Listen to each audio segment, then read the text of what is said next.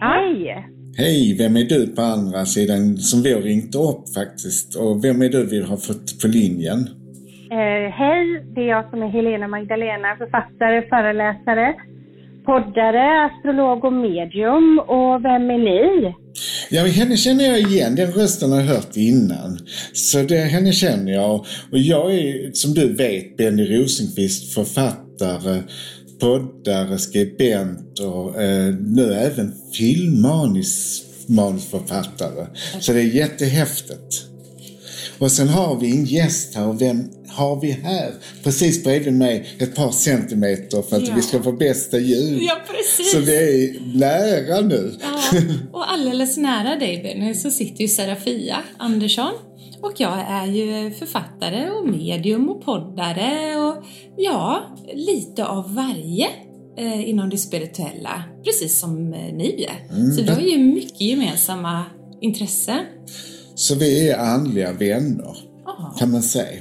Och det, ju, det har du säkert också som lyssnar, andliga vänner där ute. För att någonstans är det precis som man letar sig till varandra. Att man mår bra av dem som har samma åsikter eller som ut, vill utvecklas med en.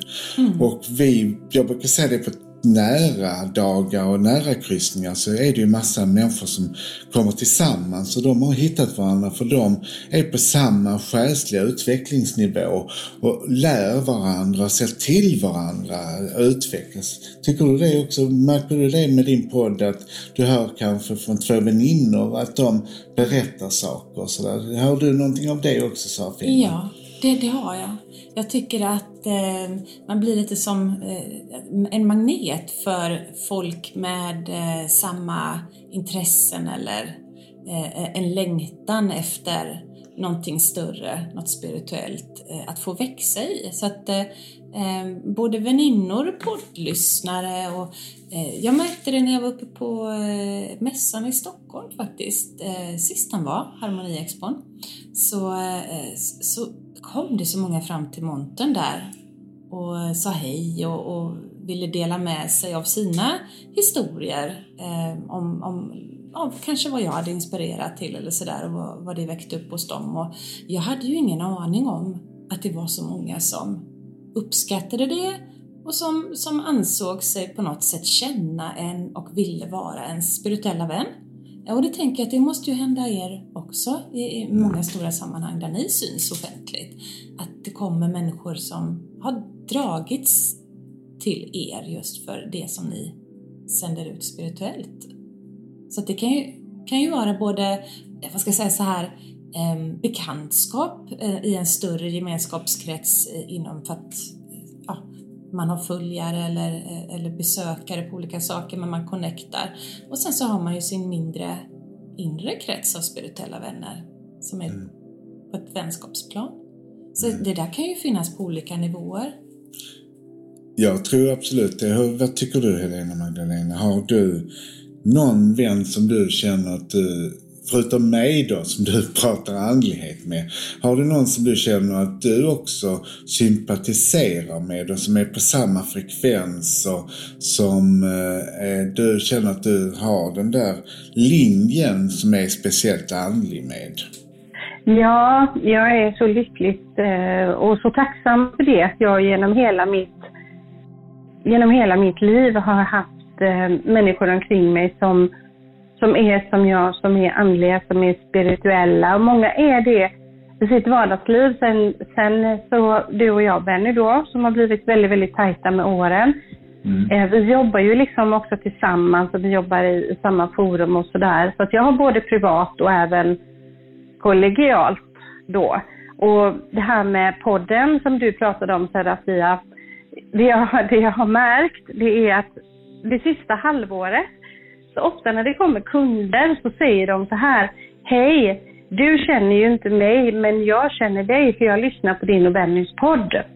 Precis, precis så. Ja, och det var, det var lite det jag försökte förklara eh, i början där.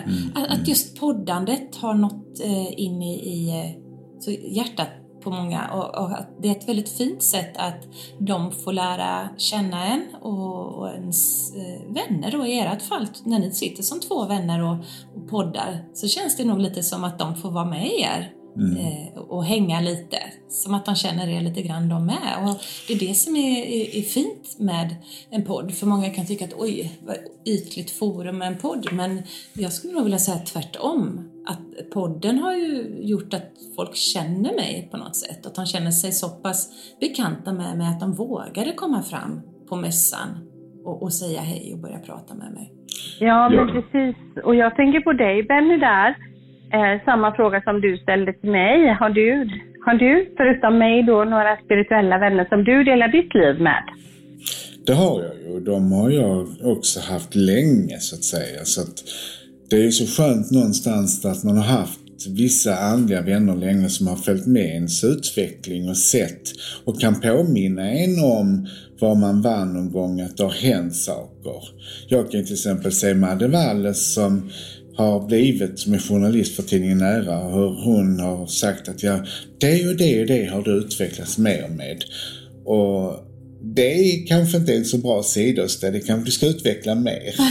så det är så bra att ha nära vänner som verkligen kan ge om det där lilla pekfingret mm. också, att man behöver lära, utveckla någonting mer. Att det, där är du bra men det, detta är du inte så bra på. Precis. Så det är det som är så bra. Sen är våra lyssnare, våra mentorer också. För vi får ju tips från dem och när de kommer till oss, som du säger, de kommer hem till oss, så kan de säga, men jag tycker ni skulle prata om detta också. Jag tycker att det är så bra när, och så till exempel, när ljudet inte är bra så berättar de det, för det är det, de är ju lyssnare, det är mm. inte vi. Så det är så bra, de ger en resumé till oss hur vi ska utveckla vår podd.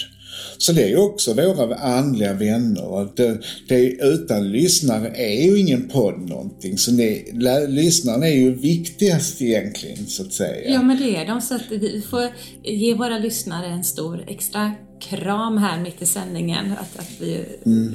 uppskattar er. Eh, mm. För jag uppskattar mina extremt mycket. Och jag tycker att en, en rolig sak med att vi tre är i en podd tillsammans idag, det är ju faktiskt att mina lyssnare kommer ifrån min podd övernaturligtvis. Och, och känna att, att de börjar lära känna er som spirituella poddvänner. Mm. Och kanske några av era lyssnare skuttar över och lyssnar lite på mig och så, så har vi bytt lite vänner med varandra också. Ja. Det är väl fint? Så det blir ett andligt party nu. Ja, precis. Det är ett stort partaj här. Ja, det är det. Eh, nu har vi liksom, nu sprider vi och det är alltid, vi behöver varandra ju. Att vi behöver, ni behöver varandra där ute. Ni behöver vänner som utvecklar er, som ni kan prata andlighet. För det är inte alla man kan prata med och det är inte alltid tillåtet att vara så andlig. Men det är även om det har blivit lättare jämfört med när jag började som medium på 70-talet. Då var det inte lätt, då var det ett smygande istället. Så jag brukar säga att jag har kommit ut genom två garderober. Först genom den eh, liksom gay och sen som eh, medium och andlig personlighet. Ja, för det är helt fantastiskt. Mm -hmm. Va? Så jag springer ut in i garderoben. Ja, jag tycker det är underbart. Så ni har ju också kommit ut, från, så ni har kommit ut från en garderob, minst mm. i alla fall. Ja, en spirituell garderob i alla fall. Den har ni kommit ur. Mm. Har du en sån här stor Narnia-garderob hemma hos dig? Ja, jag har en... En sån här som eh, man kommer in till en annan värld när man kliver igenom? Det är det jag har. Jag springer där ut och in. Oj, och sen har jag en spegel så man kan springa in mellan världarna. Folk är lite rädda för den spegeln också. Ja, spännande. Mm. Apropå speglar, har ni testat det där någon gång? Black Mirror som det heter. Mm. Eller man kan ju titta även i en helt vanlig spegel. Men tycker ni att, att det är lättare på något sätt att se en ande. Det finns ju en skröna om att man ska kunna titta i en spegel en stund och då ska man kunna antingen se ett, ett ansikte från en själv i ett tidigare liv eller att man ska få andekontakt. Har ni jobbat med speglar någon gång? Jag har gjort. Vad, ja, vad är dina Jag har gjort det med tidigare liv, så jag har stått med ett ljus och tittat in i ljuset och tittat med ett öga i spegeln och sett hur jag sett ut i mina tidigare liv. Du har detta? Och det är jättespännande, men man får ha mörkt badrum och först var det lite läskigt när man såg det första ansiktet. Ja, så var jag, jag hade sprungit ut. och sen har jag faktiskt sett andar i spegeln också, så jag har jag har många speglar hemma som är antika och mm. jag har en kompis som är från Iran. Och hon spådde i speglar när hon var liten. Så hon kunde se framtiden. Hon fick filmerna inne i spegeln. Och det är många, det är en skröna säger att eh, många muslimska flickor innan de eh, blir, eller har varit med en man, mm. när de är fortfarande jungfrur, så kan de se i spegeln. spegeln ja. Och det är kanske lite grann som att spå i spegelbankt vatten vatten. För fornnordiskt så fanns det ju att man kunde spå i en brunn. Mm. Att man skulle gå ett visst antal varv, jag kommer inte ihåg om det var framlänges eller baklänges, men och så skulle man då en viss tidpunkt och dag på året titta ner i brunnen och då skulle man säkert få se sin tilltänkta kommande partner eller sådär. Det var ju en klassiker att spå om kärlek. Mm. Har du upptäckt, eh, eller upplevt någonting otäckt, eh, Helena Magdalena, med spegel? Ja, du kände in det där, tror jag. ja, vi, eh, jag testade det när jag var ganska ung. Eh, jag tror att vi kallade det för Svarta Madame. Jag har ja. för mig det. Eh, och jag växte upp då i Hindås utanför Göteborg här. Och där var det liksom mycket, vi tyckte det var kusligt. Jag hade upplevelser och mina vänner med och vi testade också det här med spegel. Och jag såg och jag tyckte det var jättejobbigt så att jag har inte vågat prova faktiskt sen igen med speglar. Jag tyckte det var, jag tyckte det kändes läskigt. Och jag hade en tid där också när jag var typ ung vuxen som jag också bad andevärlden att de inte skulle visa sig. Alltså de kan gärna kommunicera med mig men jag hade blivit skrämd några gånger så jag sa jag, jag vill inte se er. Jag kan kommunicera med mig, jag vill inte. Jag vill inte se. Så det var långt senare som jag kände att jo men nu, nu kan jag se igen. Så så skrämd blev jag. Ja, men där, där är vi lika med det då. För eh, jag har ju varit medial sedan födseln så att säga, sedan medfödd gåva. Och jag såg ju med ögonen väldigt, väldigt mycket. Eh, och det blev ju så otäckt och jag var ju så rädd för att sova själv. Jag kunde inte vara ensam hemma och jag blev ju väldigt låst i, i rädslan av att, att bli det där överraskningsmomentet när det plötsligt bara poppar fram en ande sådär. Som kanske egentligen inte ville något elakt men, men det blev ju otäckt. Man var ju mm. inte beredd på det. Mm.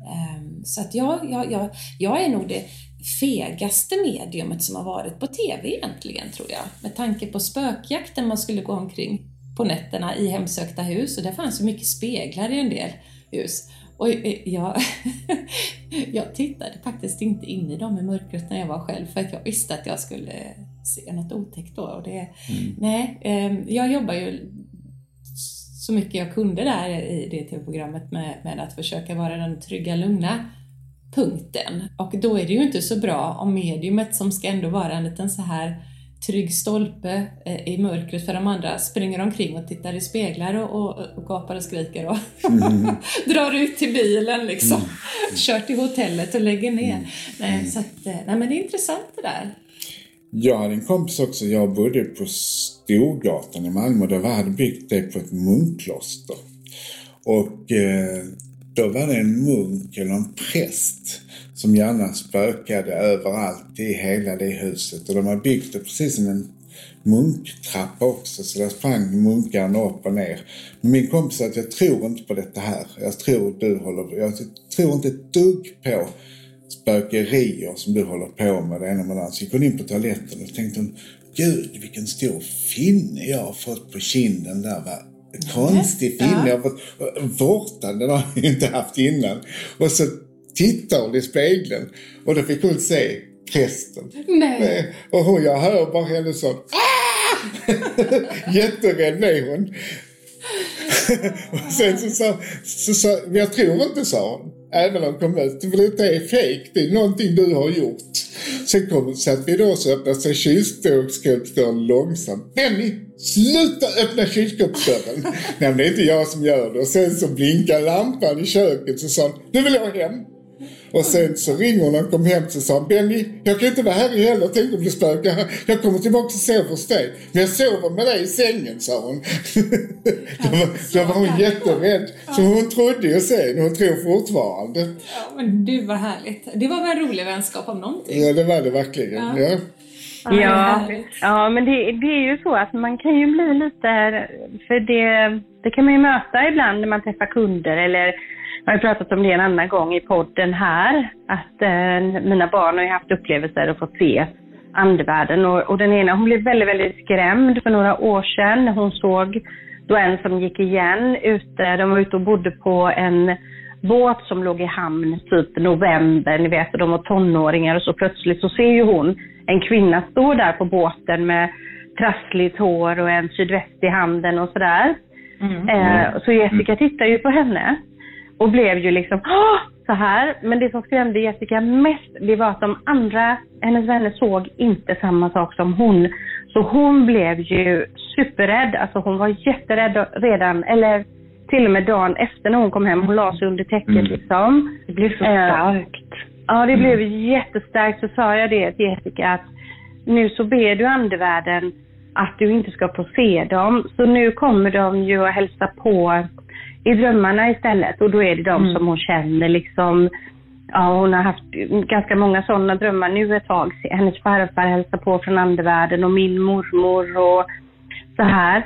Så då upplever hon ju det som en dröm istället, men budskapen är väldigt starka och drömmen liksom sitter kvar. Men just det här att slippa se det man kanske inte kan hantera då när man är 17 år. Liksom. Precis, precis. Men jag, jag, jag tänker på en sak som hände mig här, när, mm. när man pratar om det här med att och, äh, kanske kunna reglera på vilket sätt man ser andar.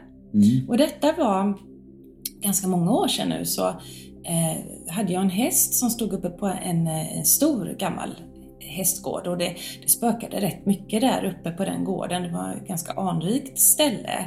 Eh, och jag var på väg upp dit, eh, satt i, i, bilen och pratade med, med mina guider, för ibland när jag kör bil så, så utnyttjar jag tiden till att ja, men du så här, prata med mig själv och guiderna lite mm. grann, högt sådär i bilen, för det är ju ändå ingen annan som hör mig då.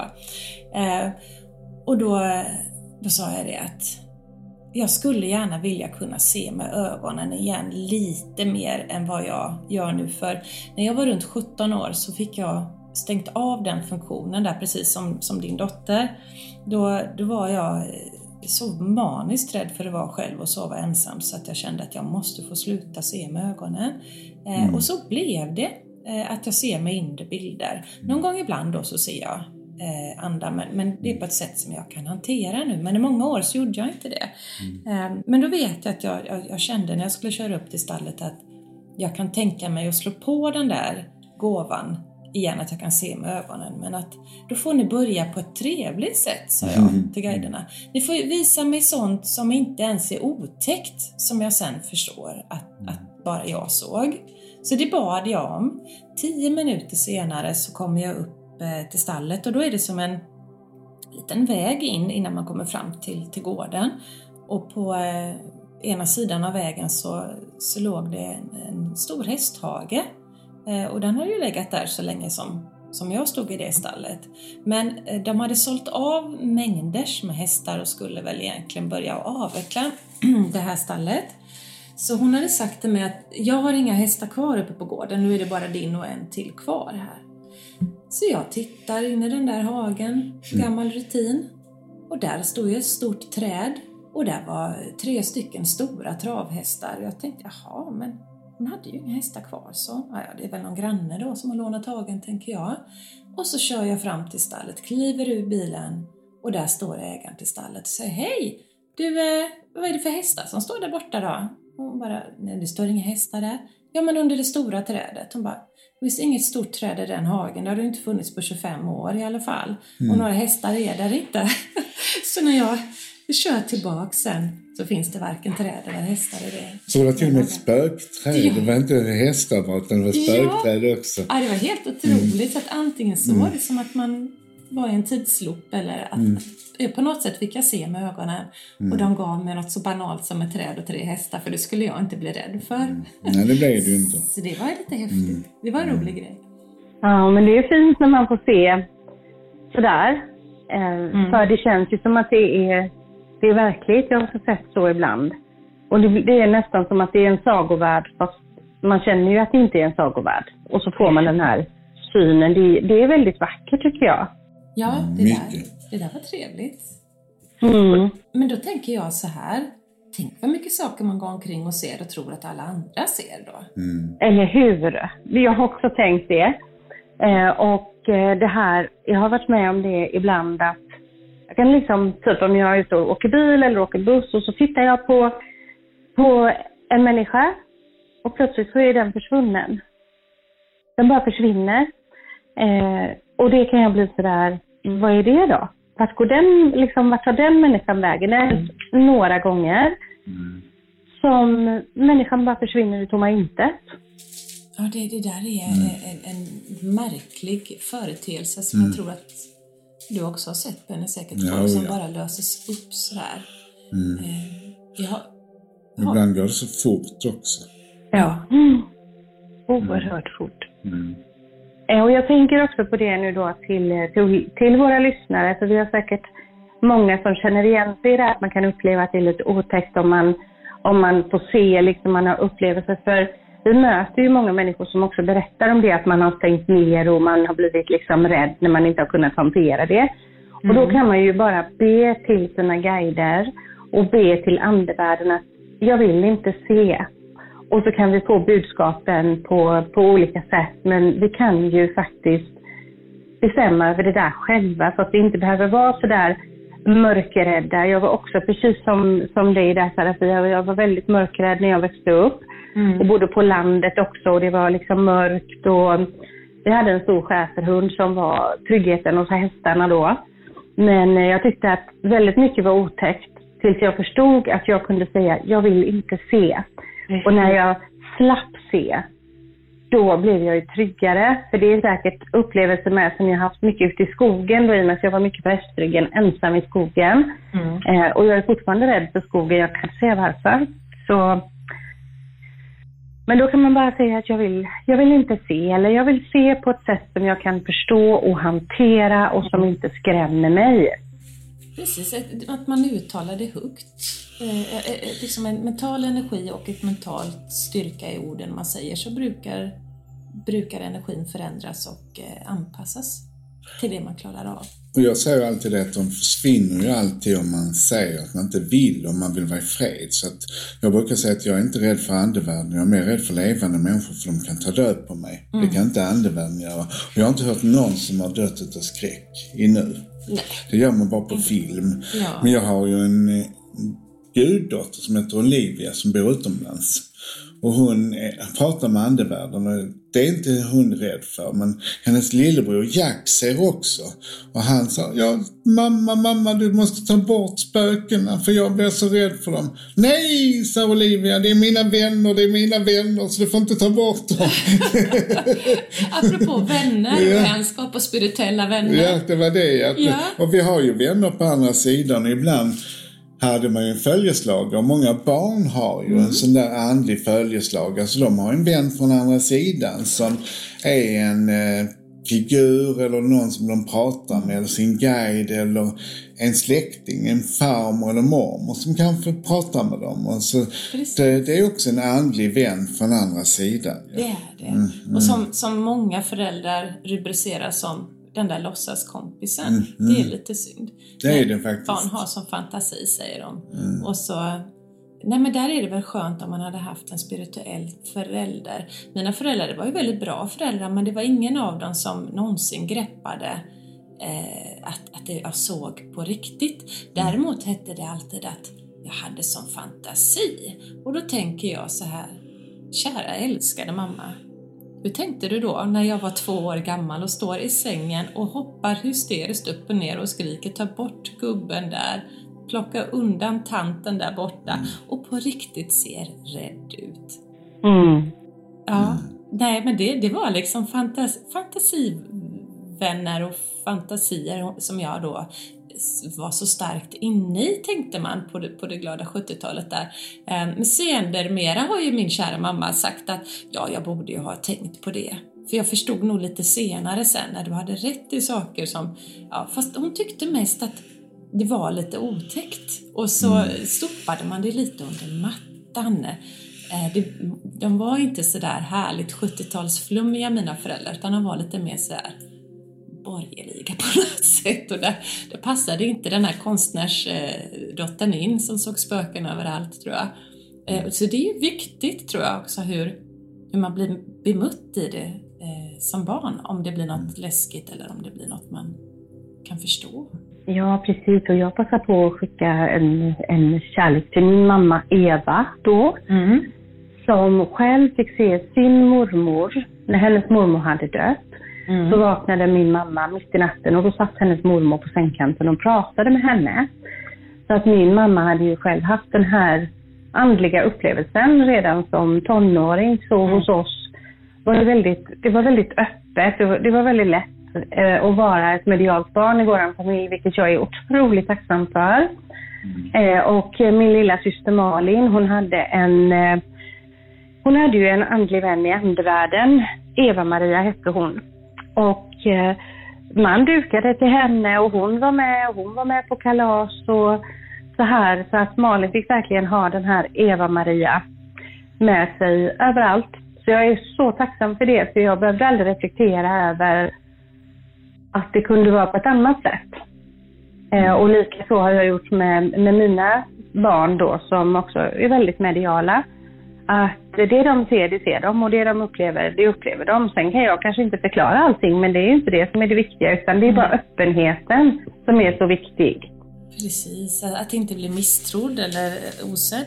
Min, min pappa hade ju som barn en jättestark medial upplevelse, men det avslöjade han ju för mig när jag var runt kanske tio år eller sådär. Ehm, och sen nu i vuxen ålder så har jag deras fulla support. Och det var väl, de var inte riktigt där på sin spirituella resa att de öppnade upp för möjligheten för det här. Och min pappa hade väl gjort den där klassikern, stoppat det där minnet eller upplevelsen långt bak någonstans i bakhuvudet eh, för att den, den var väl otäckt. Och så ehm, men han plockade fram den. Eh, så någonstans kanske med att jag inte gav mig på att jag såg andar eh, så fick de på något sätt ändå eh, hänga med på den resan också och, och, och, öppna upp och börja tro kanske. Ehm, så det finns väl en mening med, med alla de här olika familjesammansättningarna man föds in i.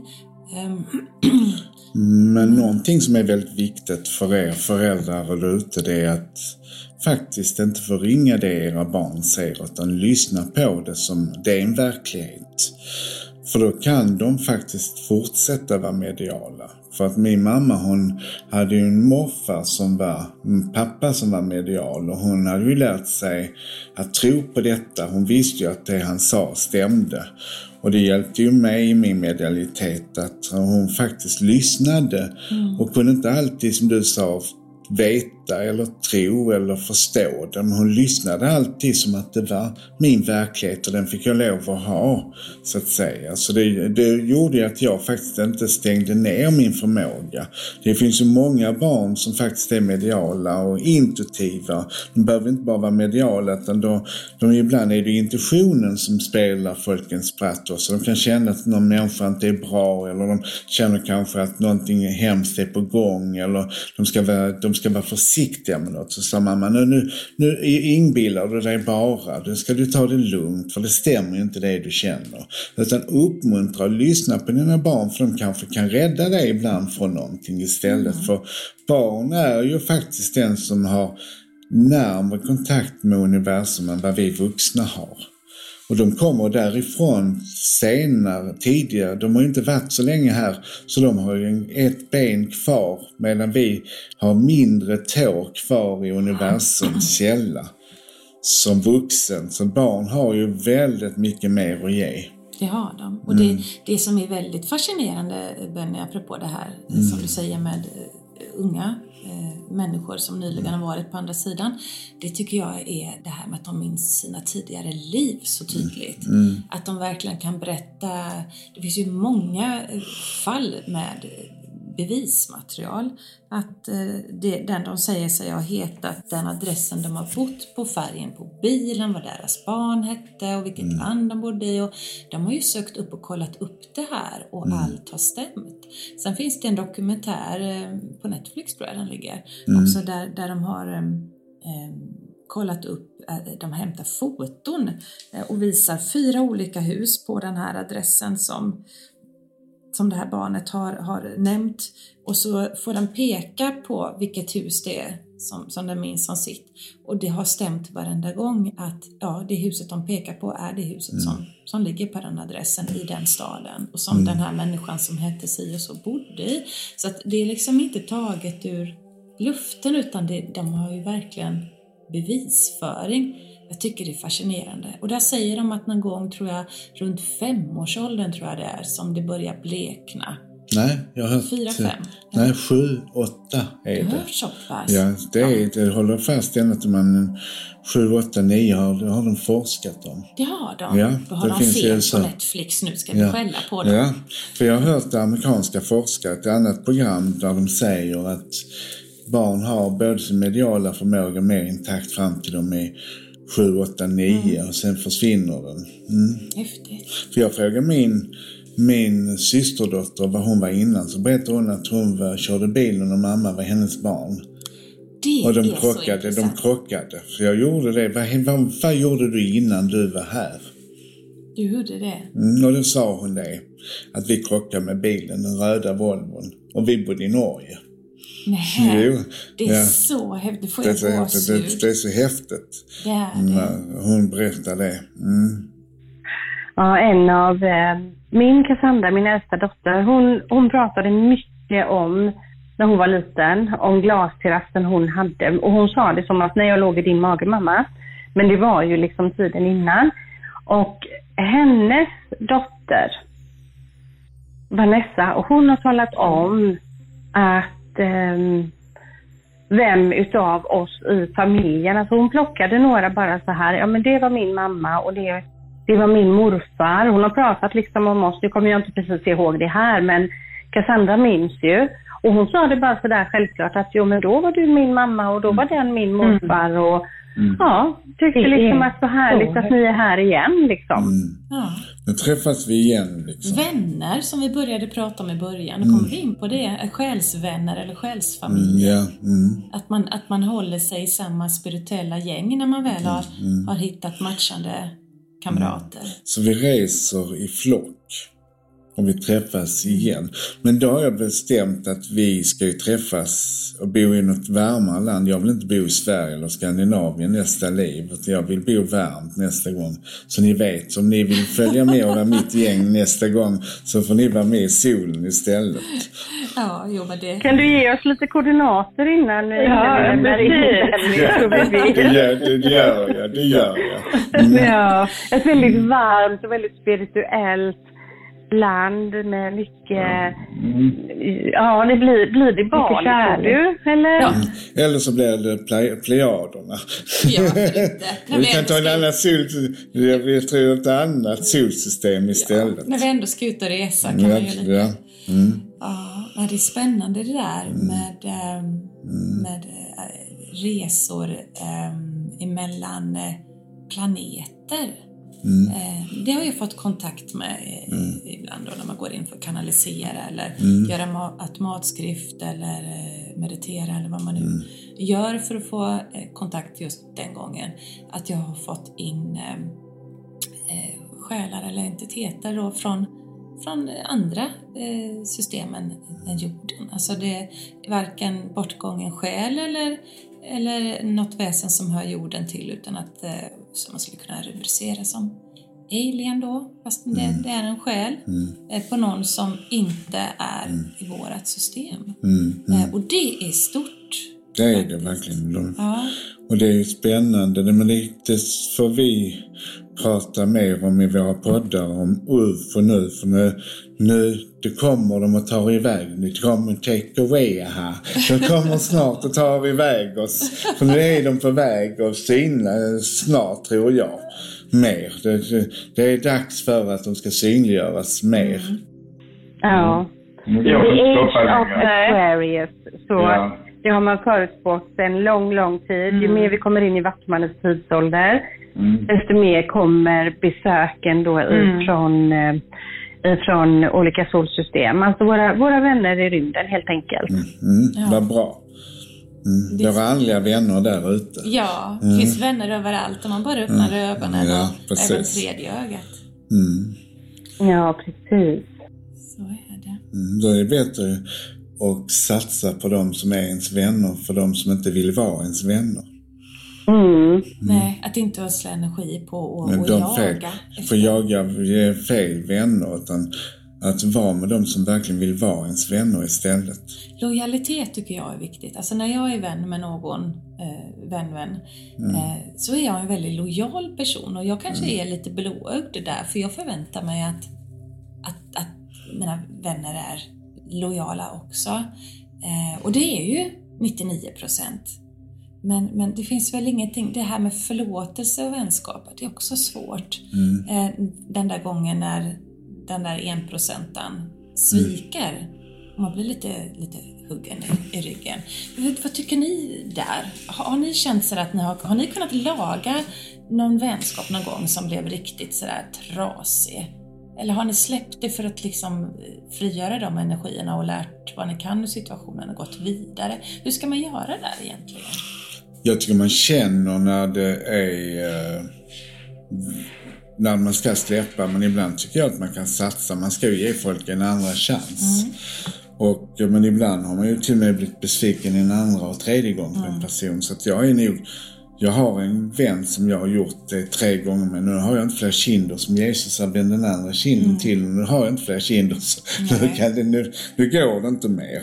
Så jag är nog en sån person som försöker många gånger mm. i vänskap. Att jag ger många chanser men det, jag tycker man ska försöka väldigt mycket. Och man, man kan ju någonstans själv tänka att man är inte felfri och att människor gör misstag för att de ska lära sig någonting. Mm. Och jag lär mig också att människor gör mig besviken för de har ju kommit som en läromästare. Mm.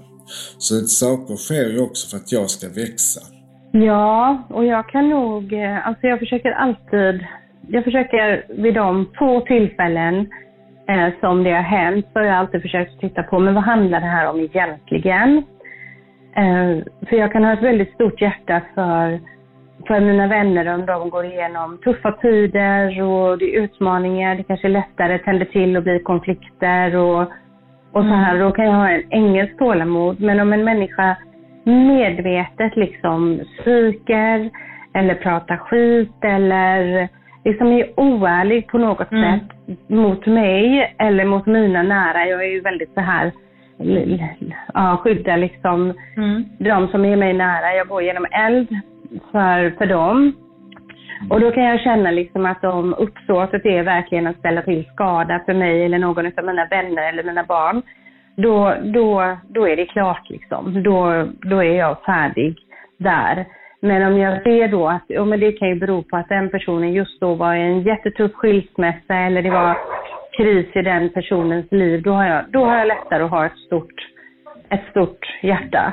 Men, mm. eh, men svek, skitprat, illojalitet och det här, jag känner så här att det säger liksom ganska mycket om den personen, var den befinner sig någonstans. Mm, man och är inte är, på samma Nej, man är inte på samma. Och jag, jag värnar väldigt mycket om äh, människor som är i mitt, äh, är liksom i, i min sfär. Att, att det ska vara liksom 100% äkta och kärlek och man kan stötta varandra upp och ner och man kan ge och man kan få i olika tillfällen i livet. Men om, det, om avsikterna inte är goda, då är jag, då är jag klar. Och då är jag väldigt, väldigt klar. Då kan mm. jag liksom utesluta för, för all framtid egentligen.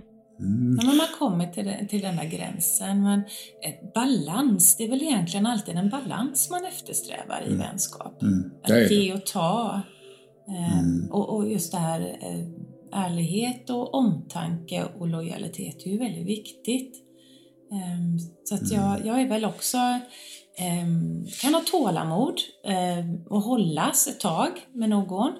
Ehm, men sen rätt som det är så är det precis som att där gick gränsen och då är jag också väldigt, väldigt klar. Så att jag, jag kan låta dem hålla på ett tag och det tror jag är för att man, man ser bakomliggande orsaker. Vad är det hos den här människan som kliar just nu som den gör sådär. Men mm. när man känner att nej, men nu gör du det bara för att du är missunnsam och inte kan unna mig det här eller att nu är du avundsjuk och då blir du dum. Mm. Nej, då är det bra. Eh, men, men ja, det, det, är en svår balansgång det där hur mycket, men jag, som sagt man känner ju med sin inre barometer. Mm. Att man ska ju må bra. När man mår för dåligt, då är det klart.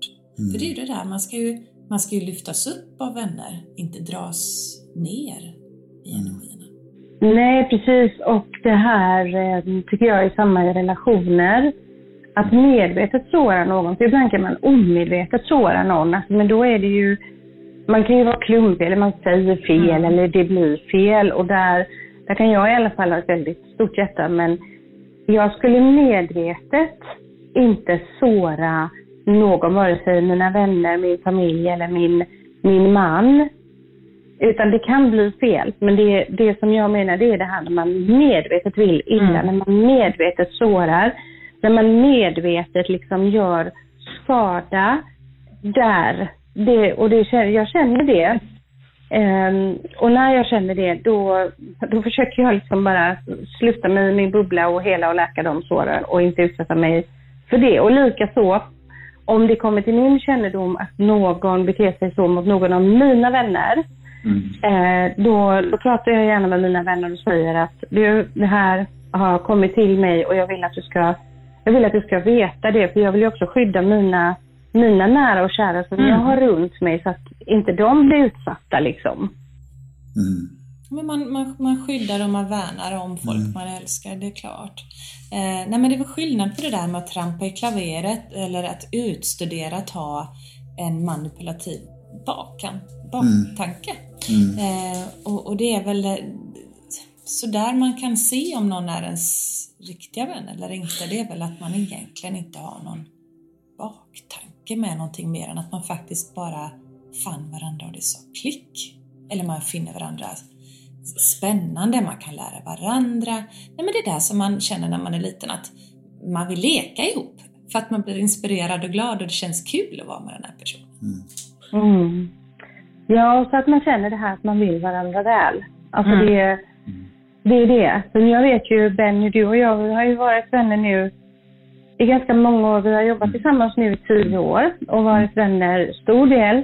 Mm. Och jag vet alltid det, att du vill mig väl. Jag kan lita på dig till 150 procent och det blir en så trygg, det blir en så trygg vänskap i det. Liksom. Sen tycker vi inte alltid lika eh, i allt, liksom. men det är ju inte det det handlar om, utan det handlar ju om det här att man vet att vi är supertajta och vi vill varandra väl, alltid. Och det är så värdefullt och jag är så tacksam för det. Men det är väl en av de största gåvorna? Nej, och det, jag tycker det är självklart att man är vän så ska man vara en vän. Alltså det man själv vill ha, det ger man ut, tycker jag. Mm. Och det är ju en grundregel som min morbror ofta sa till mig när jag var ung. Att det man vill förvänta sig av någon annan ska man själv ge. Mm. Mm.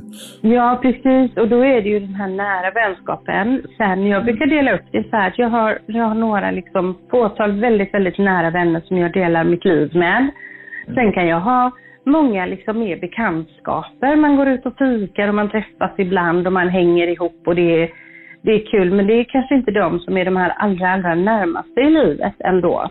Nej, men kan det vara därför man då känner att det är så viktigt med spirituella vänner?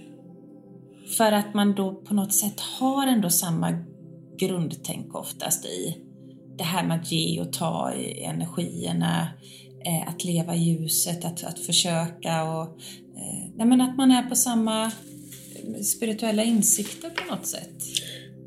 Jag tror att det är både och, för jag känner, kan uppleva att vissa människor inte är ens vän fast de är andliga. Ja, jag tycker ja, det är mycket konkurrens och mycket skit också som inte hör hemma i andliga andevärlden, sa jag. Så jag känner någonstans, jag är glad för de vänner jag har och de, de behöver inte vara mina andliga vänner utan men det är ju det extra bonus när man dessutom kan vara sig själv och prata andlighet. Ja. Men jag har ju många vänner som kanske inte är andliga som jag ändå pratar andlighet med, som ändå mm. är omedvetet att de är andliga. Så vad är en andlig vän egentligen? Det är ju egentligen en riktig vän. Andlighet är ju någonstans att man är omtyckt och älskad för det man är. Det är ju andlighet tycker jag. Ja, precis. Och jag brukar se det som det här med ens högre medvetande. Mm. Alltså en själslig visdom, en, en utvecklad själ. Eh, och jag har ju människor som är omkring mig som inte som inte skulle säga att de är andliga eller spirituella. De kanske är konstnärer eller musiker eller direktörer eller vad de än är, men de har det här högre medvetandet. De har förmågan att kunna se saker och ting ur ett högre perspektiv. Så de besitter liksom en, som jag ser det då, en själslig mognad. Och det gör ju inte alla, även att man är medial. Nej, absolut inte. Eh, absolut inte. Och det, är väl, det är väl det där mm. som kan vara svårt. Eh, så där får man ju lita på sin egna magkänsla när man ska mm. skilja agnarna från vetet, eller hur man nu säger, eh, inom den spirituella världen. Jag tror det sanerar sig själv. De, de visar sig. Mm. de visar sig och det visar sig med bekanta också när människor uh, gör bort sig så är det, det men det är ibland så är man, lurar man sig själv för man, ibland vill man inte tro att en människa kan göra så här mot en bakom ryggen på en. Det finns ju de som är vänner som är otrogna med ens man till exempel och det är ja, fruktansvärt alltså. Den har man ju man, hört det, det, det, Många gånger man tror, bästa väninnan säger de, det kan ju inte vara när den är otrogen med min man. Det kan ju inte vara liksom, när man går bakom ryggen på det stora sättet. Som det finns ju vissa andliga regler i så fall som att man gör inte vissa saker mot någon annan människa. Mm. Mm. Det tycker jag är fruktansvärt. Ja. Det är det verkligen. Det, det här med mm. att man har en, en etik, en, en moral mm. ändå som värnar om hur, hur, påverkar det här någon annan det jag gör nu? Mm. Inte bara känns det här okej, okay, är det här rätt för mig just nu? Utan hur blir det för dem runt omkring? Och det kan väl jag känna många gånger eh, när, man, när man gör en medial vägledning och man kanske får frågan om, av någon som på en reading då och de det handlar om att de vill ha väninnans man och de undrar, eller någon annan eh, upptagen man då som har familj och barn kanske, eller fru sådär. Och jag känner ju lite grann sådär att det vill väl inte jag hjälpa dig att få. Så där får man ju försöka att lirka in kunden lite grann på att, men är det här verkligen det bästa då? Känner du att du även om du får honom, känner du att du mår bra i, i det, att det blev på någon annans bekostnad? Alltså jag försöker ju lägga fram det här naturligtvis med så eh, milda ord som möjligt, man kan ju inte skälla ut en kund. Men det finns gränser ibland, eh, det känner jag, där jag känner att det här hjälper inte jag till med. Eh, att, att göra någonting, att få någonting själv som gör att man sviker någon annan, det är ju aldrig okej. Okay. Det måste ju kunna finnas en ett sätt att bli lycklig på utan att det handlar om att ta någon annans lycka. Mm. Om det inte är meningen. För det finns ju också någonstans att det finns skrivet att det ska bli dem till slut. Då är det ju också att då ska jag inte göra en bedömning på att lägga mig i det som är skrivet från högre ort. Du tänker så Benny ja, nu? Ja. ja, det här är som ett vandrande minfält ibland. Ja, är, ja. ja Men när man, när man har en sån här rabiat som sitter och verkligen bara Ja, jag vill ha honom. Ja, jag ser ju att han är upptagen här. Ja, men eh, det skiter jag i för jag är så kär. Du vet när man har den där mm. attityden. Mm. Ja. Det men det är, någonting, det är inte det jag pratar om. Nej, du menar jag, de som jag, är de, de som, de som gör det på ett finare sätt, som kanske ja. känner att jag råkar ha känslor för en, en person. Sak. Och jag känner att den är gift med eh, min vän. Och om man då sköter det på ett snyggt sätt, att man förklarar det för personen eller kanske mm. väntar till att det finns tillfälle Precis. eller att man kommer in för tidigt i någons ja. liv. Men då gör man ju det med hjärtat eh, mm, på, mm. på, alltså man försöker vara men ärlig. Finns, men där finns ju de som är äktenskapsförbryterskor. De, de, de, vill nästan, de vill nästan, de, de vill nästan, de går igång på att separera en man. De, de har vinster i att någon är gift, att de får den. Ja, och det är, mm. lite, det, det, är lite mer de där negativa, känslokalla, egofixerade. Det, mm. det är de där jag känner att jag inte alltid med gott samvete kan sitta och, och eh, vägleda fram i hur de ska gå tillväga. För mm. det känner jag att min moraliska kompass eh, skriker. Mm. Mm. Men absolut, vem har inte någon gång varit kär i någon som varit upptagen? Ja, jag var så kär i en, en, en, när jag var, jag kan ha varit 15-16. Och så kär i hennes pojkvän så det var inte klokt. Ja, men så kan det ju vara. Det kan du. Och så blir det som det ska bli. Ja, och ibland får man dela på graserna. ja, ja. Ja. Om alla tre är med på det så är det inga problem alls. Nu ska vi inte vara sådana. Nej. Nej. Man ska vara generös. Det ska man vara. Dela med sig. Man ska ju vara open-minded som det heter också. Ja, vi kommer ju dessutom inte vara så mycket parrelationer läste jag i någon andlig bok en gång. Att vi kommer att upplösa så vi kommer att vara öppna för att eh, älska alla så Ja, att säga. flytande. Är flytande, ja. Och jag tycker det är så jobbigt. Ja, det tycker jag med. Alltså, det passar inte mig. Det funkar ju om man inte har känslor för någon. Nej. Då kan jag ut och dejta och ha det kul så det Ja, det kan större man inte det minsta. Nej. Men är jag kär så blir det ju helt plötsligt Något, annat ägande. Ja, det, det är svårt det där.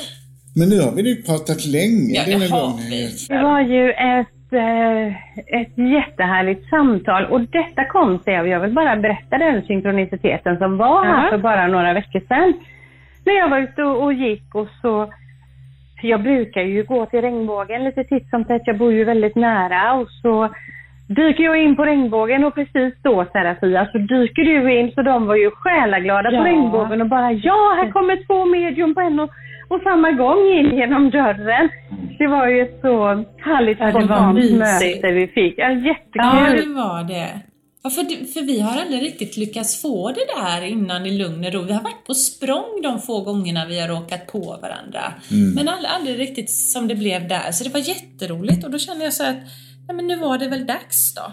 Mm, nu var det Nu dags. var det dags. Nu du. blev det. Nu blev det. Och det är jättefint. Känns jätteroligt. Plötsligt händer det. Ja, precis. Som att vinna i Triss. Ja, det, det, det, det är vi nu också Triss i triss. Kärra. Det är vi triss Ja, i medium. triss. Ja, det är vi. Ja, vad Ja. härligt. Ja, ska, ska jag vara tyst så får väl ni runda av oss. Hur brukar ni göra? Brukar ni Ja. säga hej då? Vi sa hej då.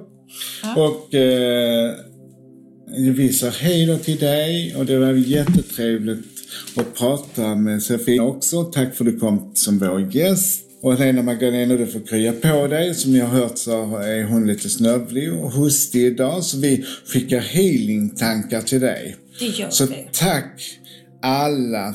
Tack för att jag fick vara med. Det var ju jättetrevligt att få, få prata med er om, om allt mellan himmel och jord här i vänskap och Mm. relationer. Och sen sa vi då till er lyssnare, tack för att ni orkade lyssna på oss idag. Och jag hoppas ni har haft lika trevligt som vi. Och tyvärr måste vi sluta nu. Ja, vi hade nog kunnat fortsätta hur länge som helst. Ja. Men det får vi göra någon annanstans över en kopp fika. Ja, precis. Ja, tusen tack till er kära vänner, Serafia och Benno. Tusen tack till er alla som lyssnar.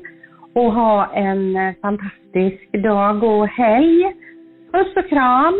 Puss och kram, ta hand om dig, ta hand om er och ta hand om lilla hjärtat för det har varit hjärtedagen.